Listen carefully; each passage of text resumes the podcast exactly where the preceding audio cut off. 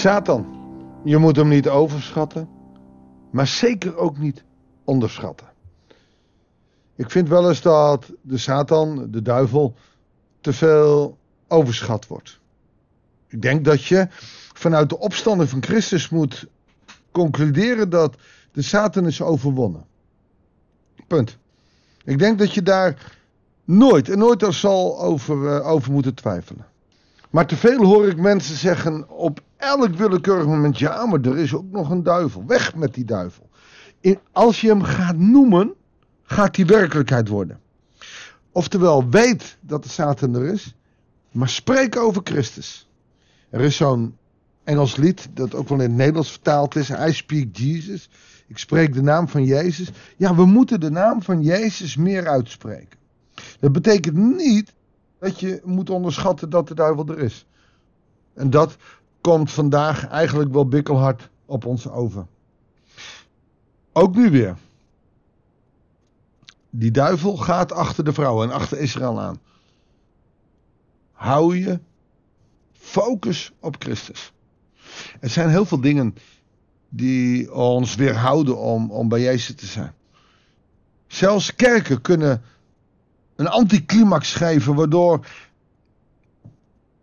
waardoor je van God of de kerk afraakt. De duivel zal het liefst roeren in een christelijk potje, want als hij mensen van het geloof afhaalt, dan heeft hij gewonnen. En daarom zeg ik, het gaat in eerste instantie niet om een kerk, het gaat om Jezus. Het gaat niet eens om welke kerk, het gaat om Jezus. Dat een kerk op, op een bepaald moment heel belangrijk kan zijn om je focus op Jezus te hebben, dat is dan wel weer een dingetje. Nou, als intro op het gedeelte uit Openbaring 12. Goeiedag, hartelijk welkom bij een nieuwe uitzending van het Bijbels Dagboek. We lezen een paar versen uit Openbaringen 12, vers 13 tot en met 18. Toen de draak zag dat hij op de aarde gegooid was, achtervolgde hij de vrouw die een zoon gebaard had. De vrouw die een zoon gebaard had, hebben we voor gekozen, of tenminste heb ik voor gekozen, dat dat niet Maria is, maar Israël, uit wie de Messias kwam. Dus een grote geheel. De vrouw Israël, je zou ook kunnen zeggen, de gelovigen worden achtervolgd. De draak, de duivel, probeert de gelovigen, of de twijfelaars, of de uitverkorenen van God, te vermurven om anders te doen. Maar de vrouw kreeg de twee vleugels van een grote adelaar om haar plaats in de woestijn te vliegen. Je zou als het ware kunnen zeggen, de vlucht uit Egypte, 40 jaar in de woestijn. Er komt een tijd dat God je beschermt en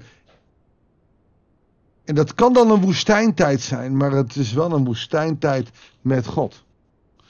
En zo moeten we altijd blijven erkennen dat er woestijnmomenten in ons leven zijn, maar dat dat niet per definitie altijd slecht hoeft te zijn.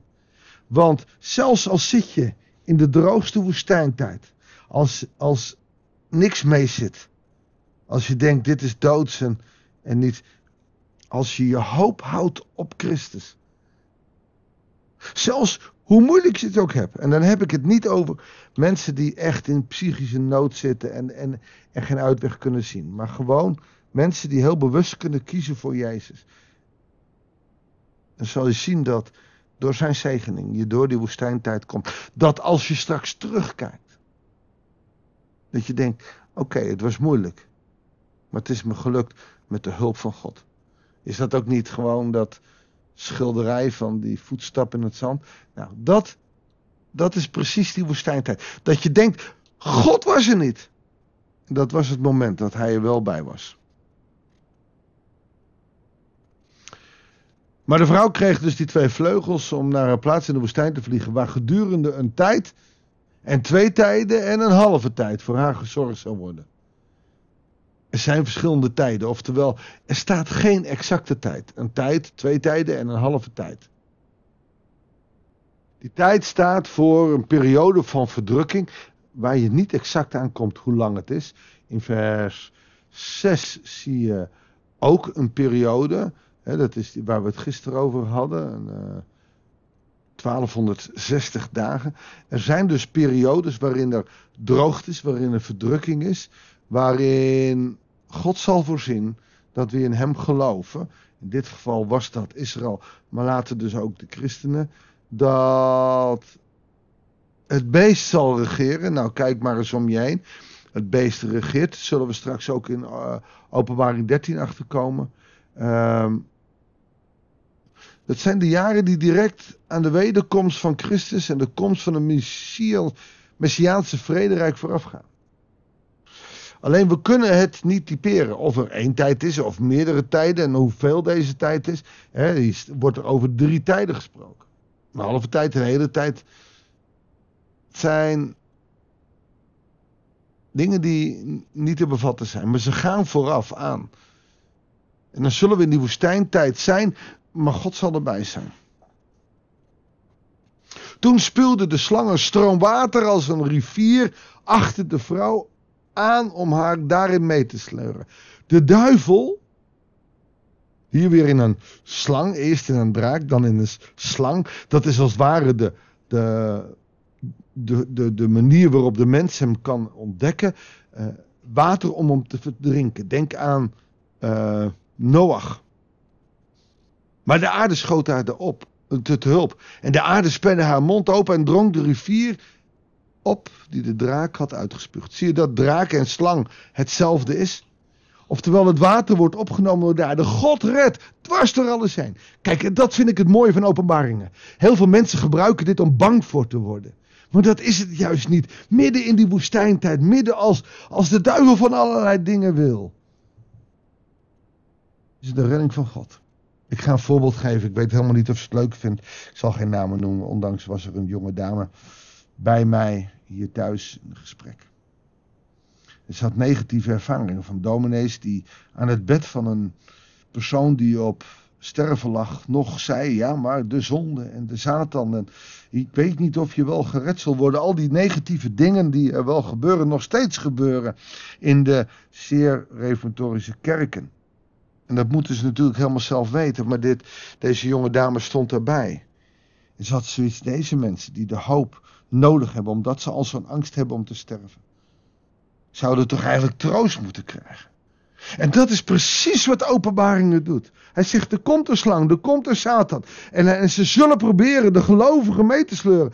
Maar de aarde schoot te helpen. Oftewel, God schiet te hulp. En, en, en het water waarin je kan verdrinken, wordt opgenomen. En dat maakte de draak woedend op de vrouw. En ging weg, weg om strijd te leveren met de rest van haar nageslacht. Met allen die zich aan Gods geboden houden en bij het getuigenis van Jezus blijven. En dat is, dat is meteen ook waar je aan kan herkennen.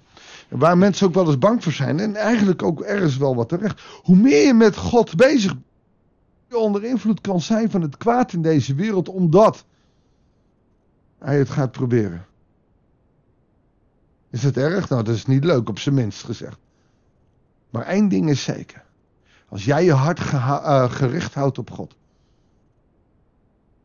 dan kan de draak of de slang, Satan, doen wat hij wil. Dan kan het beest zijn werk doen. En toch, God zal zijn reddend plan met jou voor ogen hebben. Hij zal je redden. En dat betekent dat midden in die strijd jij je hart op hem gericht moet houden. Dus dat is bemoedigend. Maar ook een oproep om Jezus werkelijk waar in het zicht te houden. Ik denk dat dat belangrijk is. En dan gaat hij op het strand bij de zee staan. Daar eindigt dit gedeelte mee. Misschien wel afgedropen omdat Jezus koning is. En dat wil ik jullie meegeven. Jezus is koning van deze wereld. Hij heeft de draak overwonnen. En hoe meer wij het hebben over de draak, hoe meer macht we hem geven. Onderschat hem niet, zeker niet.